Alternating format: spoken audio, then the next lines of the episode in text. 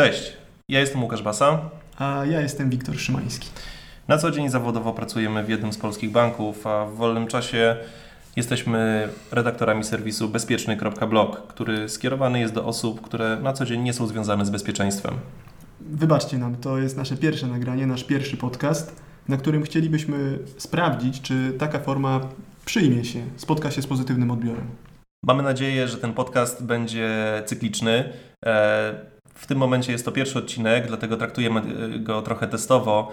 E, planujemy, aby pojawiały się cyklicznie na YouTubie, Spotify'u i iTunesach. Dzisiaj jest z nami Mateusz Nalewajski, z którym mamy na co dzień przyjemność pracować. Oto kim jest Mateusz i co robi w pracy, czym się zajmuje, może pozwolę powiedzieć Mateuszowi. Cześć, tutaj Mateusz. Bardzo się cieszę, że koledzy zaprosili mnie do wspólnego wywiadu. E, jest to moja pierwsza okazja, żeby udzielać wywiadu, podcastu w takiej formie, także też wybaczcie za, za moją formę. E, jeśli chodzi o mnie, e, zajmuję się również bezpieczeństwem. Moja, moja rola w banku polega na tym, że dbam o to, żeby systemy, które wdrażamy, które implementujemy, były bezpieczne i gwarantowały bezpieczeństwo środków. Na potrzeby tego odcinka przyjęliśmy formułę, że ja razem z Wiktorem będziemy zadawać pytania Mateuszowi, natomiast Mateusz będzie się starał, mam nadzieję, na nie odpowiedzieć. Tematyką dzisiejszego odcinka będzie bezpieczeństwo klientów e, korzystających z bankowości elektronicznej.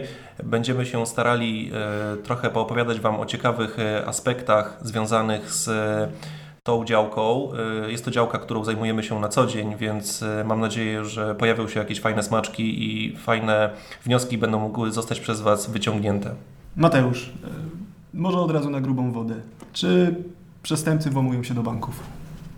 Wydaje mi się, że w, w głowach ludzi, którzy faktycznie e, czytają wszystkie wpisy o tym, co się dzieje w świecie finansów, jeśli chodzi o bezpieczeństwo, jest to, że tak naprawdę banki są podatne na to, żeby przestępcy się do nich wodę pomywali. Trzeba pamiętać, że faktycznie kiedyś, jeśli mówimy o jakichś napadach na bank, które miały miejsce, które w jakiś sposób były przedstawione, czy w filmach, czy to w jakiejś tam literaturze, mogło tak być. Natomiast teraz wydaje mi się, że ta forma przejęła troszkę inny inny kierunek. Tak naprawdę celem przestępców nie są banki, a są klienci, ponieważ tak naprawdę do klientów łatwiej się włamać i używając tego, co mają na komputerze, tego, co, czym dysponują jako klienci bankowości elektronicznej, po prostu ich okraść. To Mateusz, jak to jest? Przestępcy włamują się do banku, czy włamują się do klientów? Myślę, że nie jest tajemnicą, jeśli powiem, że były w historii pojedyncze przypadki, kiedy przestępcy włamywali się do banków przez środki teleinformatyczne. Y, Zdarzało się to z powodu zaniedbań w samym banku, yy, związanych z tym, że osoby, które odpowiadały za rozwój systemów, niekoniecznie przejmowały się bezpieczeństwem. Natomiast były to sytuacje sporadyczne. Wydaje mi się, że kiedy pojawiłyby się one teraz, czy to w Polsce, czy na świecie, byłoby o nich głośno. Natomiast generalnie o włamaniach do banków wydaje mi się, że nie jest teraz zbyt głośno. Y, w związku z tym mogę tylko podsumować, że z mojego doświadczenia, z tego co my widzimy, yy, przestępcy dużo częściej włamują się do klientów. Czemu się włamują do klientów? Jest tak naprawdę wiele czynników, które na to wpływają. E, wpływają na to m.in. to, że klienci e, mają mniejszą świadomość bezpieczeństwa, mogą mieć mniej zabezpieczone komputery niż systemy banku. E, same zagrożenia są tak skonstruowane, o czym pewnie za chwilę będziemy mówić, żeby tak naprawdę nakierować klienta na to, żeby podał wszystkie dane przestępcom niezbędne do wypływu środków.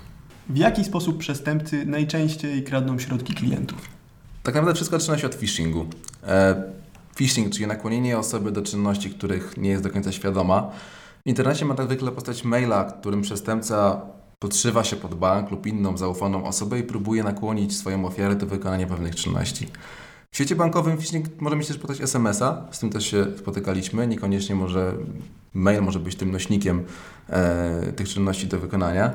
Natomiast Finalnie celem takiego phishingu jest tak naprawdę nakłonienie tej osoby e, do wejścia na pewną stronę, która w jakiś sposób pokieruje ofiarę do tego, żeby e, przelała pieniądze do, do, do atakującego.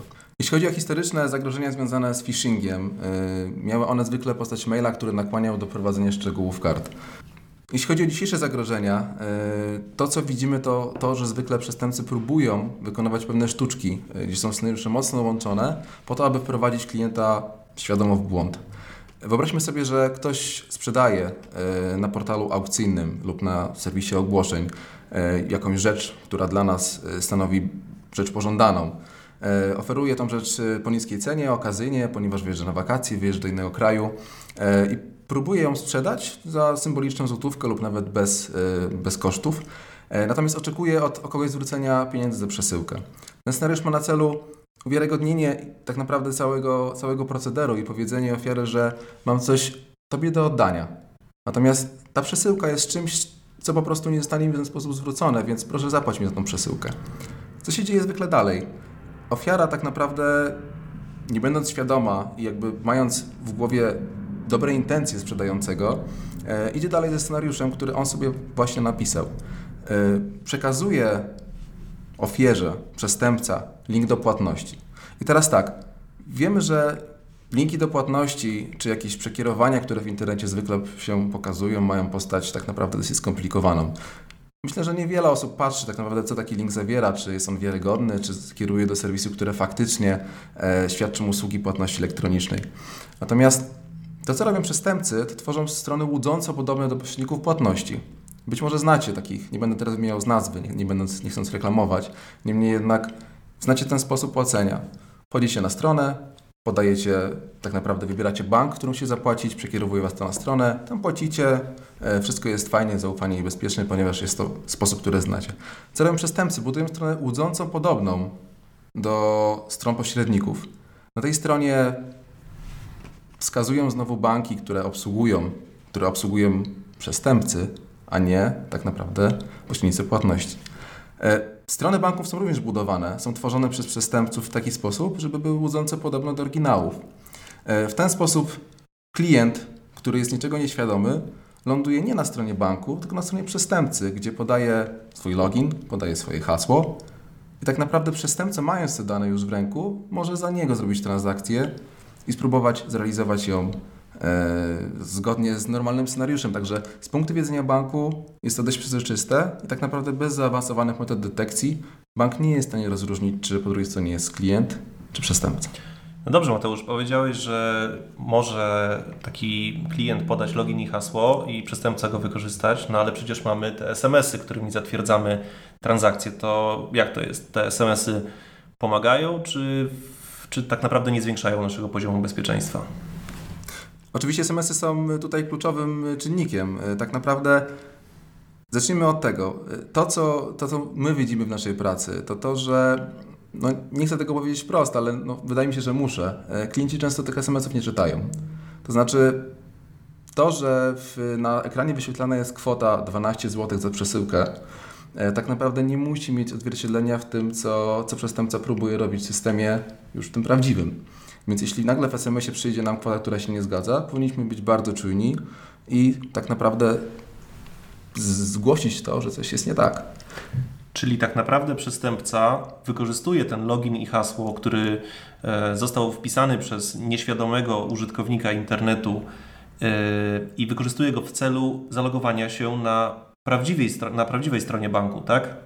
Dokładnie, dokładnie. Jeszcze wchodząc bardziej w szczegóły, być może jest to dla Was interesujące, bo, bo są takie małe smaczki, które e, myślę, że przestępcy dosyć fajnie, e, fajnie znaleźli tak naprawdę jako może nie luki procesowe, tak naprawdę możliwości procesu. E, Być może znacie mechanizm e, odbiorców zaufanych w bankowości. E, Jest to mechanizm pozwalający na, to, na definicję osoby w postaci imienia, nazwiska oraz numer rachunku, do której nie trzeba kolejnych transakcji pobierać SMS-em. Większość banków e, pozwala na dodawanie takich osób zaufanych przy okazji robienia przelewu. Zwróćcie uwagę na to, kiedy będziecie robić przelew, że tak naprawdę znajduje się tam takie małe, małe pole, które, e, po którym jest napisane, że e, możecie dodać odbiorcę tego przelewu jako odbiorcę zaufanego. Co to oznacza? Oznacza to, że każdy kolejny przelew realizowany do, tej, do tego odbiorcy nie będzie wymagał potwierdzenia kodem SMS. Co widzimy tutaj z punktu widzenia przestępcy? Tak naprawdę przestępca może zrobić do, do, dokładnie poprawną przesyłkę, do, do, dokładnie poprawny przelew y, na tą przesyłkę w kwocie 12 zł, dodać swoje konto tak naprawdę jako konto zaufane i cały proces uwiarygadnia w całości, bo nawet kwota, która przychodzi w SMS-ie się zgadza, natomiast nadal ten SMS zawiera kluczową informację, że ten przelew jest definicją tak zwanego szablonu, tak zwanego odbiorcy zaufanego i to pozwoli przestępcy w przyszłości wyprowadzić całość środków. Czyli podsumujmy, co tak naprawdę się zadziało. ten nasz e, klient wchodzi tak naprawdę na stronę, bank, która wygląda jak strona banku, natomiast nią nie jest, bo jest stroną przygotowaną przez przestępców. E, wpisując nieświadomie swój login i hasło do przeglądarki internetowej, tak naprawdę on, ten, ten login i hasło nie, nie jest wysyłany do strony banku, ale jest wysyłany do przestępcy. Przestępca ten login i hasło wykorzystuje, aby zalogować się na prawdziwej stronie banku w imieniu klienta i próbując wykonać przelew z y, szablonem, z, z utworzeniem y, na, odbiorcy zaufanego, o którym wspomniałeś, tak naprawdę y, powoduje to, że bank wysyła naszemu klientowi prawdziwego SMS-a, który zawiera w sobie kod, za pomocą którego tą transakcję wykonaną przez przestępcę można potwierdzić, zautoryzować. Dokładnie, znaczy wydaje mi się, że nie można powiedzieć, że na jakimkolwiek kroku bank nie dopełnił całości procesu. To jest funkcjonalność serwisu. E, przestępcy po prostu sprytnie wykorzystują nieuwagę klientów, nieuwagę polegającą na nieczytaniu SMS-ów, e, na weryfikacji linków, ponieważ tak naprawdę jest bardzo wiele oznak, które wskazują, że coś jest nie tak. E, taki no, prosty przykład. Część, duża część banków na takim portalu fałszywym może być nieaktywna. Płatności blik mogą być nieaktywne, ponieważ przestępca nie jest w stanie tego obsłużyć. E, natomiast już na samej stronie banku e, strata graficzna wygląda podobnie, natomiast URL, czyli to, co widzicie w pasku adresowym przeglądarki, na pewno się nie będzie zgadzał. Mateusz, na co klient powinien zwrócić uwagę, żeby ochronić się przed tym scenariuszem? Patrząc od początku całego scenariusza, e, już na etapie samej transakcji na portalu aukcyjnym czy ogłoszeniowym, klient powinien być uważny. Mogę powiedzieć wprost, jeśli ktoś oferuje, oferuje Wam przedmiot za darmo, chcąc przesyłkę, e, chcąc pieniądze za przesyłkę, a sposób płatności za przesyłkę jest dość specyficzny, polega na tym, że wysyła Wam linka do płatności, to jest już coś podejrzanego.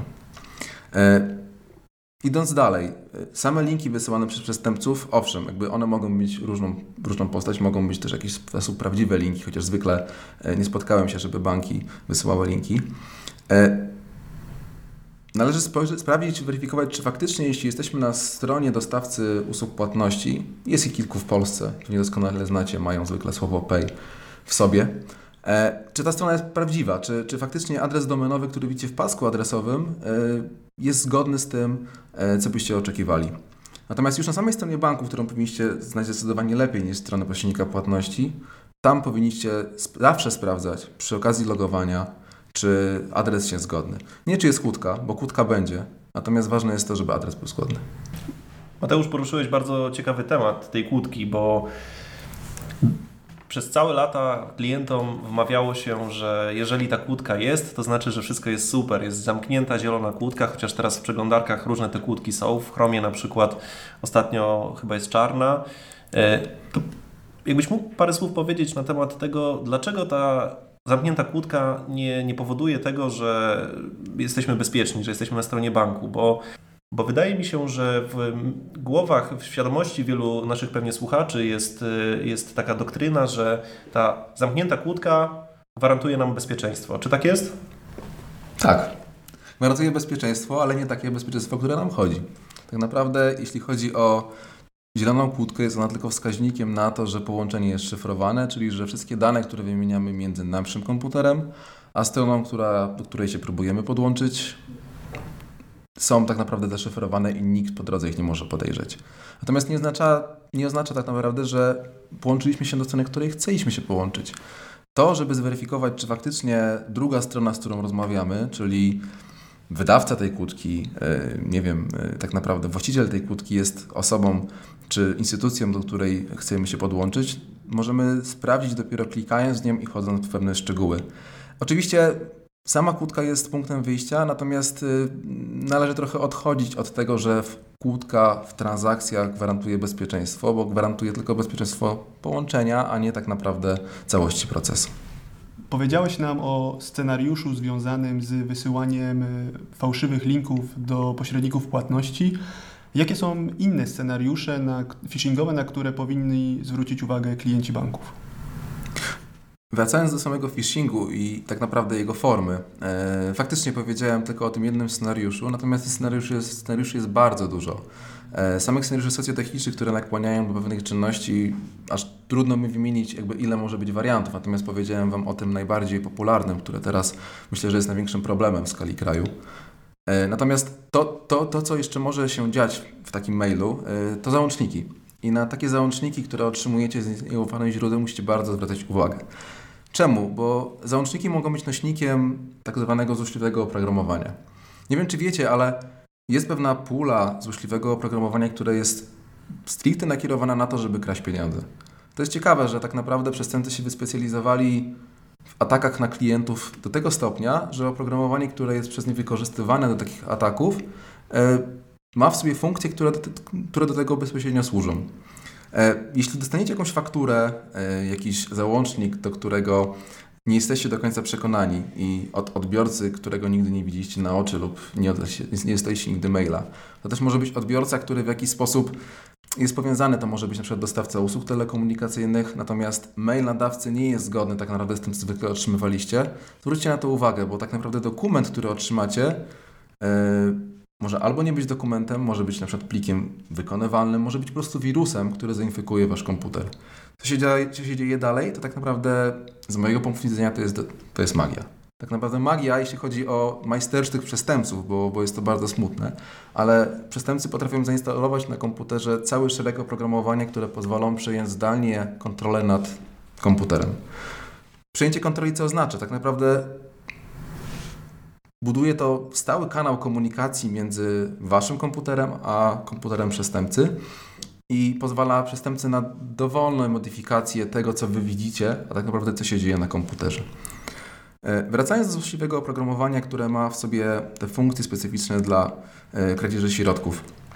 Wyobraźcie sobie, że to, o czym przed chwilą powiedziałem, czyli te wszystkie cechy, e, które, które świadczą o tym, że strona jest zaufana, o tym, że certyfikat należy do, do odpowiedniej instytucji, o tym, że link, o tym, że ad, pasyku adresowym jest zgodny adres, nagle mogą przestać mieć znaczenie, ponieważ, tak jak powiedziałem, przestępca może dowolnie sterować tym, co widzicie. Wasz komputer jest tak naprawdę totalnie skompromitowany i e, są tylko drobne, drobne szczegóły, które mogą świadczyć o tym, że faktycznie coś się dzieje na waszym komputerze. E, co tak naprawdę dzieje się w tle? Przestępca instalując złośliwe oprogramowanie wpływa na waszą przeglądarkę i ta przeglądarka pokazuje strony postawione przez przestępców, natomiast mówi, że jest to strona banku. I myślę, że to jest cała taka wiedza w kapsułce, co, ten, co to złośliwe oprogramowanie robi. Oczywiście technicznie jest to bardzo ciekawe, bardzo, bardzo też zaawansowane. Natomiast i po wejściu na stronę banku, w przypadku zainfekcji złośliwym oprogramowaniem, prezentowana jest tak naprawdę strona przestępców, a nie strona banku. Czy ta rada dotycząca czytania treści SMS-ów w tym przypadku zadziała? Zadziała, bo mimo, że scenariusze od strony samego ataku e, tak naprawdę mogą być inne, bo mamy inne środowisko, mamy troszkę inne, inne podejście do, do samego ataku, to sam proces przebiega bardzo podobnie. E, trafiając na stronę banku, która nie jest stroną banku, tylko jest stroną przestępcy, e, i podając login i hasło, tak naprawdę znowu przekazujemy je przestępcy e, i w dalszych krokach, również kiedy realizujemy przelew, czy kiedy właśnie próbujemy się zalogować, naprawdę przestępca może do, wykonywać dowolne modyfikacje, może posługiwać się e, naszą przeglądarką do tego, żeby od nas czegoś wyłudzić. Jeśli widzimy po zalogowaniu dziwne ekrany, oczekiwanie na przykład na dodatkową weryfikację, która jest wymagana, czy na przykład o to, że e, weszły jakieś nowe zabezpieczenia związane z weryfikacją komputera i należy podać specjalny kod SMS, to sprawdźmy, co w tym kodzie SMS jest napisane. Bo oczywiście Bank może przy logowaniu wysłać kod SMS, natomiast nadal, i będę to powtarzał bardzo często chyba dzisiaj, że kluczem do bezpieczeństwa jest to, żebyśmy czytali, co tak naprawdę bank nam mówi. Bo jeśli przy logowaniu bank nam mówi, że robisz przelew, to chyba też jest nie tak. Mateusz, a co z klientami, którzy używają kart zdrapek albo tokenów? No i tu jest trochę mm, tak naprawdę sytuacja nie do końca jasna, bym powiedział, bo faktycznie istnieje przekonanie, że coś sprzętowego w rozumieniu zdrabki, które są czymś namacalnym, czy tokeny, które generują nam kody, są lepsze, bo ciężko się do nich włamać, nie można się włamać do tokena. Zdrabki też no, można po prostu ukraść, ale ciężko coś z nimi zrobić. Natomiast prawdą jest to, że całym nosikiem informacji o tym, co tak naprawdę robimy e, w systemie transakcyjnym banku, jest tak naprawdę informacja. I zdrabki ani tokeny tej informacji nie przenoszą. Także co z tego, że na samo narzędzie jest bezpieczne, że nie można go ukraść, nie można go skompromitować, jak tak naprawdę wprowadzając zdrabkę, czy przypisując kod tego tokena lub e, do, do bankowości, tak naprawdę my nie wiemy, co podpisujemy, bo widzimy tylko to, co jest na ekranie. Tak jak już powiedziałem, przestępca może nam prezentować na ekranie dowolne rzeczy. Natomiast w przypadku tokena czy zdrapek nie wiemy, co podpisujemy, ponieważ nie mamy tej informacji samego narzędzia autoryzacyjnego. I tutaj wbrew pozorom stare, poczciwe SMS-y, które otrzymujemy na komórkę są o niebo lepsze, bo samej treści SMS-a dosyć dużo możemy przekazać. Banki coraz częściej wykorzystują też aplikacje mobilne, tak zwane, czyli aplikacje instalowane na telefonach komórkowych. E, w coraz większej liczbie banków e, są one też wykorzystywane do tego, aby autoryzować transakcje finansowe. Czy z Twojego punktu widzenia jest to krok do przodu, czy też y, nie ma tutaj różnicy, jeżeli chodzi o mm, porównanie z SMS-ami? Myślę, że jest to bardzo duży krok do przodu. E, tak naprawdę nie mówiliśmy jeszcze o tym dokładnie, natomiast sama aplikacja mobilna jako coś, co zostało stworzone przez bank i zostało przygotowane specjalnie do e, czy do autoryzacji transakcji, czy w ogóle do obsługi konta na telefon, e, działa w zamkniętym środowisku. SMS-y jako część telefonu, yy, tak naprawdę w dzisiejszych czasach, kiedy mamy smartfon, mogą być odczytywane przez różne aplikacje i no faktycznie nie możemy wykluczyć sytuacji, kiedy telefon też będzie zainfekowany w jakimś scenariuszu yy, i SMS-y po prostu będą przekazywane do przestępcy, tak że nie będziemy musieli mu już podawać poprzez stronę yy, podstawioną. Natomiast mając aplikację, w której możemy po pierwsze wyświetlić dużo więcej informacji szczegółowych o tym, co potwierdzamy, możemy tą, to potwierdzenie dodatkowo uwiarygodnić, czy to naszym odciskiem palca, jeśli mamy biometrię, czy kodem PIN, który służy do, do logowania do aplikacji mobilnej, autoryzacji transakcji, to bardzo podnosi bezpieczeństwo, bo mimo, że telefony są bardzo różne i tak naprawdę to nie jest teraz, wydaje mi się, nie mamy aż tyle czasu, żeby mówić o tym, na ile same telefony są bezpieczne jako platforma, e, to mimo wszystko zostało one tak zaprojektowane, żeby izolacja między aplikacjami była maksymalnie duża. I wpłynięcie przestępcy na aplikację mobilną banku jest dużo trudniejsze niż wpłynięcie na SMS-a i na przykład pobranie go i wysłanie do przestępcy dalej.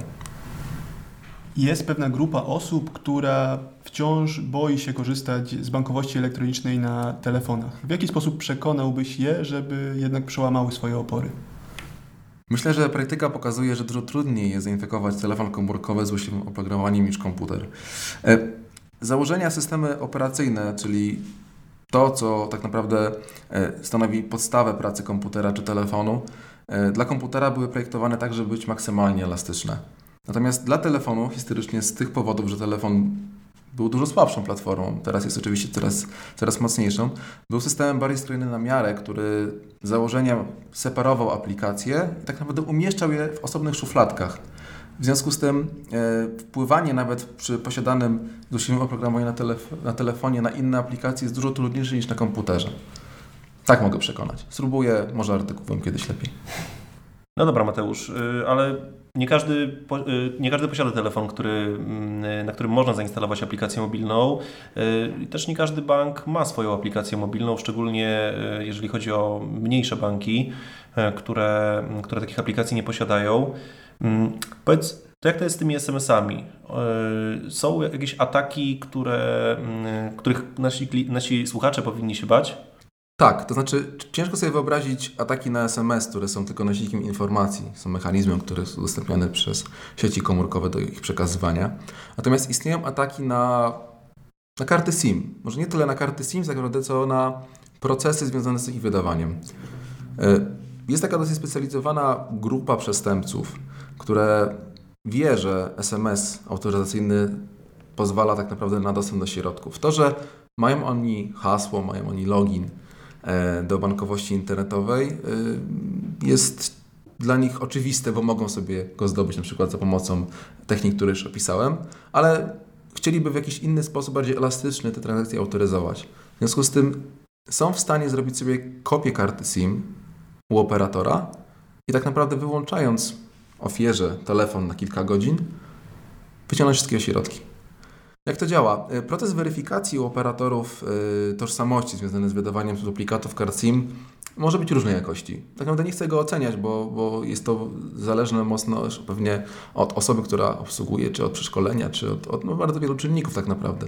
Niemniej jednak e, Wydarzały się historycznie, są opisane na, na kilku portalach branżowych przypadki, kiedy przestępcy wnioskując o duplikat karty SIM, e, tworzyli tak naprawdę sobie klona telefonu i korzystając z tego klona, logując się do bankowości internetowej klienta, wyciągali środki.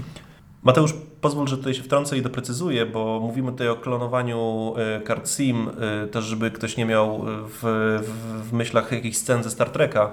E, klonowanie kart SIM to jest zwykły proces, kiedy każdy z Was, gdy nie wiem, na przykład zgubi telefon, idzie do swojego operatora sieci komórkowej i poprosi, po prostu prosi o wydanie nowej karty SIM, ponieważ starą zgubił.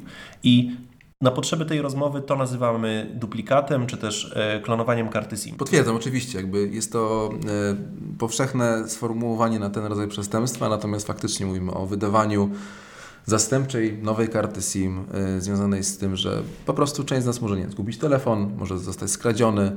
Oczywiście y, operatorzy oferują y, taką możliwość i, i, i jest to jak najbardziej naturalny proces, natomiast nienaturalne jest to, że w ramach tego procesu przestępcy potrafią przejść procedury bezpieczeństwa operatora i zawnioskować taki duplikat fałszywym dowodem, czy podszywając się w inny sposób pod osobę, do której duplikat karty chcą uzyskać. Co się wtedy dzieje? Czyli jeżeli taki przestępca uzyska duplikat karty SIM, a co z nim może zrobić dalej i czy są jakieś e, symptomy, po których e, nasz w tym momencie już zhakowany klient może poznać, że coś jest nie tak? Tak, oczywiście możemy rozpoznać, że ktoś próbuje nas oszukać na duplikat karty SIM. Jeśli miejsce, gdzie zwykle mamy zasięg, tracimy go na dłuższy czas, kilka minut lub nawet i godzinę, e, możemy podejrzewać, że mogliśmy stać się ofiarą takiego ataku. Tak naprawdę przestępca w tym momencie może już próbować wykorzystywać kopię naszej karty do zalogowania się do serwisów, gdzie mamy dodatkową autoryzację SMS-em. To mogą być również serwisy typu e, serwisy internetowe, które mają logowanie dwustopniowe. To może być tak naprawdę system bankowości internetowej i w danym momencie może próbować środki wyprowadzić. E, dodatkowo, na co możemy zwrócić uwagę i, i, i do czego bardzo zachęcam, to powiadomienia. Pamiętajmy, że mając aplikację mobilną w większości banków, e, możemy sobie uruchomić powiadomienia push, które tak naprawdę przekażą do naszego telefonu informacje o tym, że pewne transakcje lub na przykład logowanie do bankowości się odbyło. Oczywiście, jeśli nie mamy karty SIM, e, może być to trudne, bo możemy nie mieć internetu. Natomiast zwykle, kiedy nawet internetu nie mamy e, z poziomu karty SIM, mamy na przykład jakieś Wi-Fi i aplikacja mobilna bankowa cały czas jest podłączona do sieci i takie powiadomienie może, może odbierać. Także to bym wskazał jako dodatkowe zabezpieczenie. Tutaj może warto wspomnieć o tym, może troszkę uspokoić naszych słuchaczy, bo a kreślimy tutaj takie bardzo czarne scenariusze i, i też chciałbym, żeby nie było e, z Waszej strony takiego odbioru, że e, najlepiej to by było e, zamknąć tą bankowość elektroniczną i udać się do oddziału. A ten atak, o którym Mateusz wspominasz, y, nie jest takim łatwym, prawda? Wspomniałeś tutaj o konieczności wyrobienia sobie fałszywego dowodu osobistego. E, pewnie jakieś informacje na temat y, tego klienta ten przestępca musi najpierw posiadać. I z założenia są to ataki, które e, są kierowane na osoby, są to ataki celowane na osoby, które wiadomo, że mają dużo, dużo na koncie i y, takiemu przestępcy zwyczajnie się opłaca zaangażować e, trochę czasu i pieniędzy nawet, aby taki atak przeprowadzić. E, jakiś czas temu Zuza na bezpiecznym blogu pisała taki artykuł, w którym robiła analogię do mm, rybaka zarzucającego sieć na otwartym morzu. I tutaj ten phishing, o którym wcześniej wspomniałeś, jest fajnym przykładem, gdzie po prostu każdy z nas może się złapać, tak? Każdy z nas korzysta z internetu, każdy z nas może być przypadkowym celem. Natomiast w tym przypadku o którym tutaj teraz mówimy, jest to atak, który musi być y, intencjonalnie skierowany przez przestępcę w naszą stronę y, i ten przestępca musi wiedzieć, że mu się to opłaci. Oczywiście, każdy atak wymaga pewnego nakładu środków od przestępców. Y, Poprzednie ataki, o których opowiadaliśmy, czyli e, phishing czy, czy złośliwe oprogramowanie również tego wymagają. Natomiast faktycznie, tak jak Łukasz tutaj dobrze to podsumował, ten atak jest atakiem bardzo mocno celowanym i tak naprawdę nakierowanym na, na dużą gotówkę. Wspomniałeś o różnego rodzaju atakach na klientów polskich banków. Na wielu forach można przeczytać, że banki nie przykładają się do ochrony pieniędzy klientów. Czy faktycznie tak jest? Myślę, że tak nie jest. E, Banki muszą chronić środki klientów, bo tak naprawdę są to środki, za które one odpowiadają. W związku z tym muszą dołożyć wszelkich starań, żeby te środki były bezpieczne i zaoferować klientowi maksymalny wachlarz możliwości, które pozwoli te środki chronić. Oczywiście zawsze e, odbijamy się ścianą od kompromisu między wygodą użytkownika a jego bezpieczeństwem. Pamiętajmy, że e, z jednej strony chcemy, żeby wszystko było bezpieczne, ale też wygodne. Niestety te, te dwa światy rzadko dają się pogodzić i tak naprawdę potrzeba bardzo dużych, dużej liczby godzin spędzonych nad tym, żeby procesy w bankowości były bezpieczne, ale też wygodne. Myślę, że o czym warto tutaj wspomnieć jest to, że teraz mówiliśmy o wielu e, zabezpieczeniach, e, które są na tak zwanym froncie, czyli to, co klient widzi, to, co klient używa. Natomiast bardzo dużo całej logiki dzieje się tak naprawdę po stronie banku. To, że ktoś zleci transakcję, wcale nie oznacza, że ona będzie zaakceptowana. Nie oznacza, że ktoś na nią nie spojrzy. Nie oznacza, że systemy, które są w banku, nie przeanalizują wszystkich okoliczności tej transakcji i na przykład jej nie odrzucą. Być może przy większych przelewach zauważyliście, że te przelewy wymagają dodatkowej weryfikacji. Ktoś do Was dzwoni, e, musicie chwilę poczekać na to, żeby przelew z listy oczekujących wpadł na faktycznie wykonane. To wszystko są ob- objawy tego, że faktycznie po stronie banku automat lub człowiek po prostu e, weryfikuje te przelewy, patrzy na nie i sprawdza, czy jest on zgodny z tym, co zwykle robicie. Czy są to rachunki, na które przelewy zwykle trafiają od Was, czy od innych klientów, czy nie jest to coś podejrzanego w różnych okolicznościach. Tematyka bezpieczeństwa y, zyskuje w mediach na znaczeniu. Coraz więcej mówi się o zabezpieczeniach nie tylko w bankowości, ale również y, w innych systemach, na, w poczcie, w kontach społecznościowych. Czy Ty możesz powiedzieć naszym słuchaczom, w którym kierunku będą się rozwijały zabezpieczenia w bankowości? Jasne.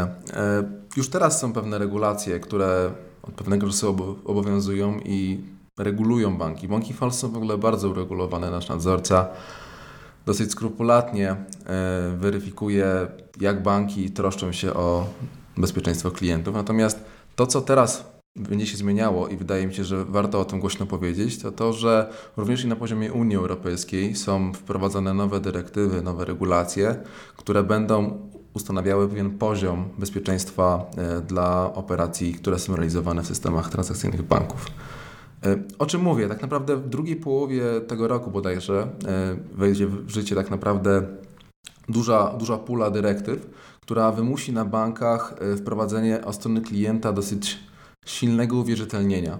W ogóle pojęcie silnego uwierzytelnienia coraz częściej pojawia się. Nie wiem, czy, czy w takiej, mm, tak powiem, prasie e, niezwiązanej z bankowością, ale wydaje mi się, że zyskuje to sformułowanie na, na popularności. Ja tylko dodam, że silne uwierzytelnienie w rozumieniu banków, czyli to, do czego mają się przystosować, to jest tak zwany logowanie dwustopniowe, uwierzytelnienie dwupoziomowe, dwa faktory autoryzacji. To jest to, o czym widziałem na Bezpiecznym Blogu, był niedawno artykuł.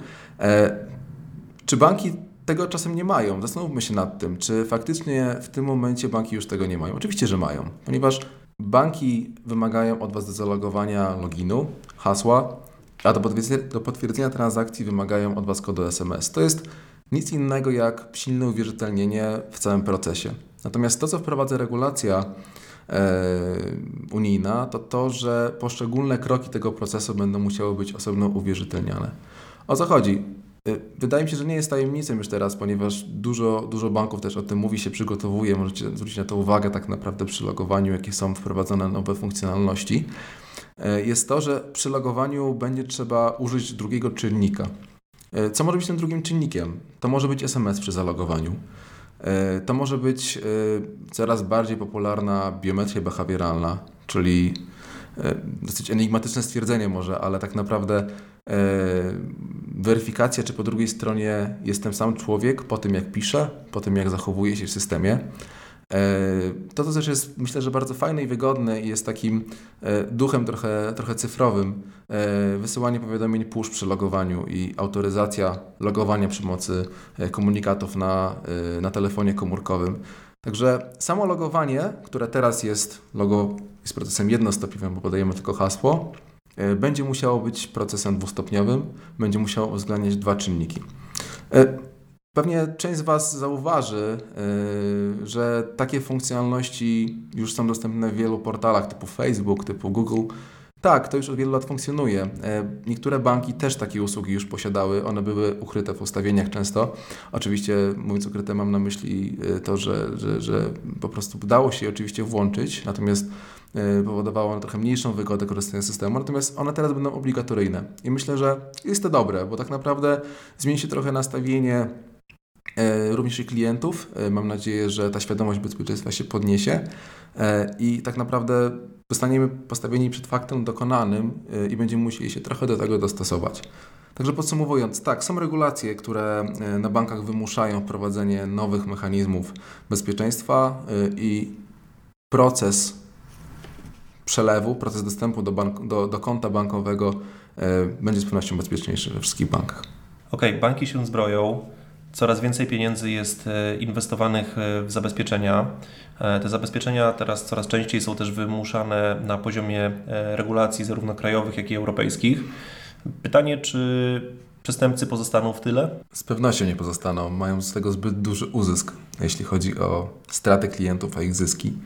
Natomiast to, co ja obserwuję, e, to to, że oprócz tego, że banki inwestują w zabezpieczenia techniczne, to również starają się możliwie podnosić świadomość swoich klientów.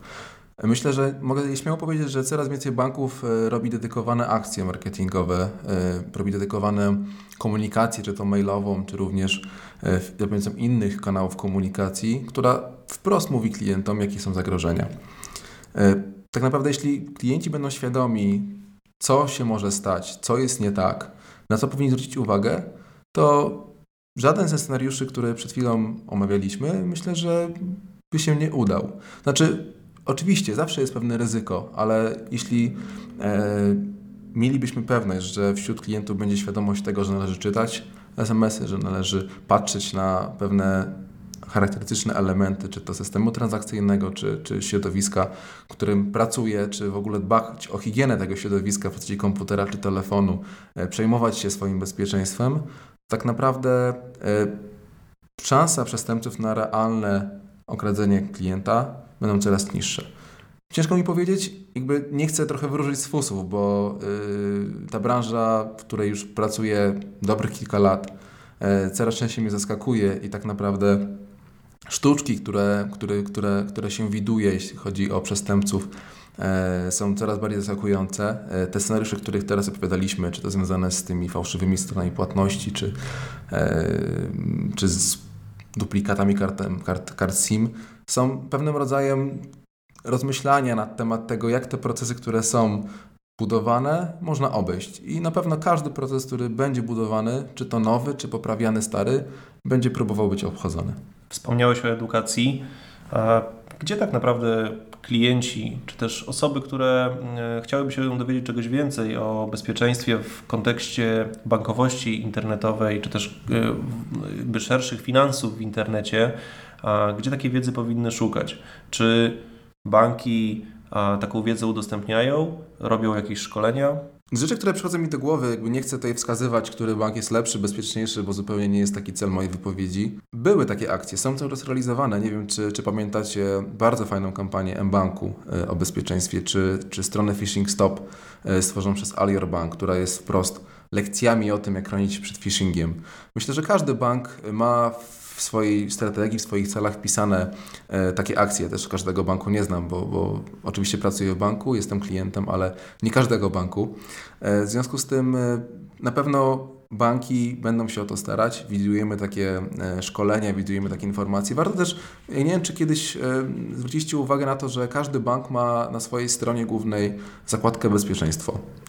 Proponuję wejść na stronę kilku swoich banków i poczytać tak naprawdę, co tam jest napisane. Myślę, że wbrew pozorom byście się zdziwili, e, do jakiego poziomu szczegółowości pewne informacje są prezentowane i jakie fajne rady są naprawdę przekazywane.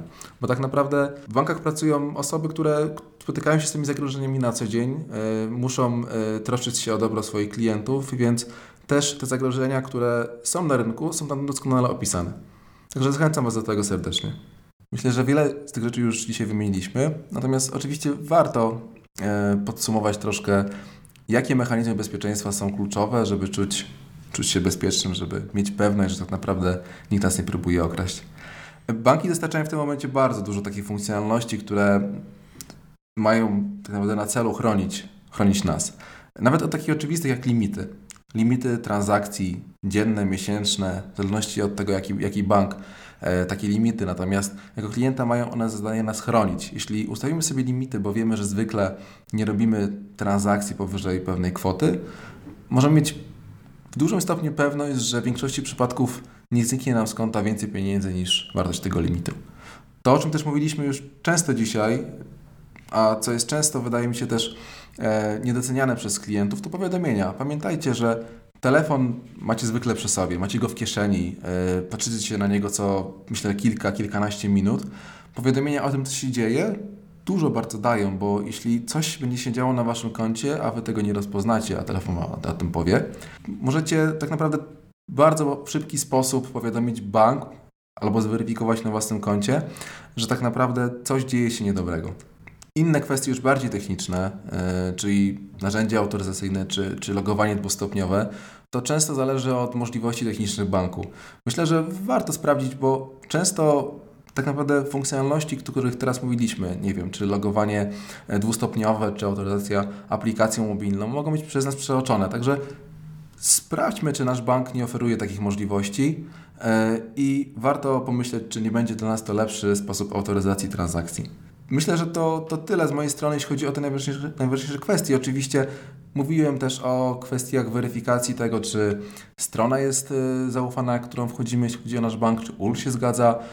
To są takie drobne szczegóły, które w jakiś sposób powinny nas e, utwierdzać w przekonaniu, że jesteśmy bezpieczni lub że powodować u nas tak naprawdę podejrzenie, że coś dzieje się niedobrego. Podsumowując też, te, też moją wypowiedź, myślę, że warto pamiętać o tym, żeby być czujnym, bo tak naprawdę przestępcy próbują grać na emocjach. To wszystko, co dzieje się w internecie, to wszystko, do czego przestępcy dążą, to tak naprawdę spłynięcie na nas, żeby dojść do naszych emocji e, i spróbować przekonać nas do podjęcia działań, których normalnie byśmy nie podejmowali. Bardzo często mamy taką sytuację, nawet yy, zdarzają mi się w moim otoczeniu, że ktoś został w jakiś sposób oszukany, ale tak naprawdę jak się na tym potem zastanowi, to stwierdza, że tak naprawdę głupie postąpił, bo bardzo dużo czynników naokoło wskazywało na to, że coś się faktycznie dzieje. Także tak bym to skwitował, że oprócz technikaliów, oprócz powiadomień, oprócz e, kwestii tego, co banki oferują jako narzędzia autoryzacyjne, warto po prostu być uważnym. Dzięki Mateusz za fajne podsumowanie. Celem tego nagrania jest e, podniesienie Waszej świadomości w zakresie scenariuszy, e, w ramach których przestępcy kradną pieniądze, tak naprawdę kradną pieniądze e, klientów.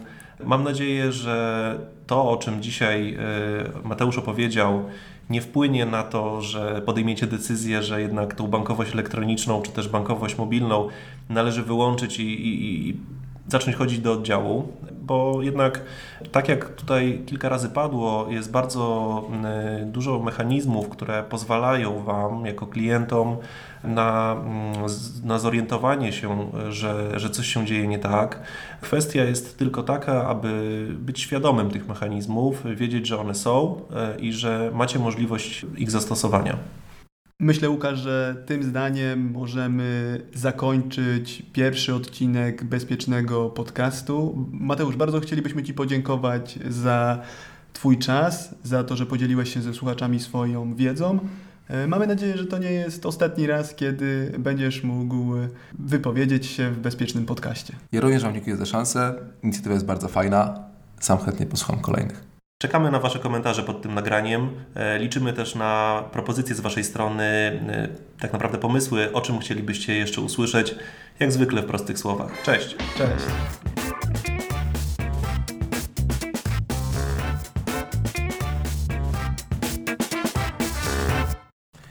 Poszło. Cześć, ja nazywam się Łukasz Basa. Cześć, ja mam na imię Wiktor Szymański. Dobra, może ty coś powiesz. Rą- mówi się rąbek tajemnicy czy Rąbek. Mhm. Czy możesz uchylić rąbek tajemnicy i powiedzieć, jakie zabezpieczenia będą wprowadzane? Nie, jeszcze chcę powiedzieć to. Mogę? Jeszcze raz. Czy ty możesz mi powiedzieć i naszym słuchaczom, w jakim kierunku banki będą szły w przeszłości, w przyszłości?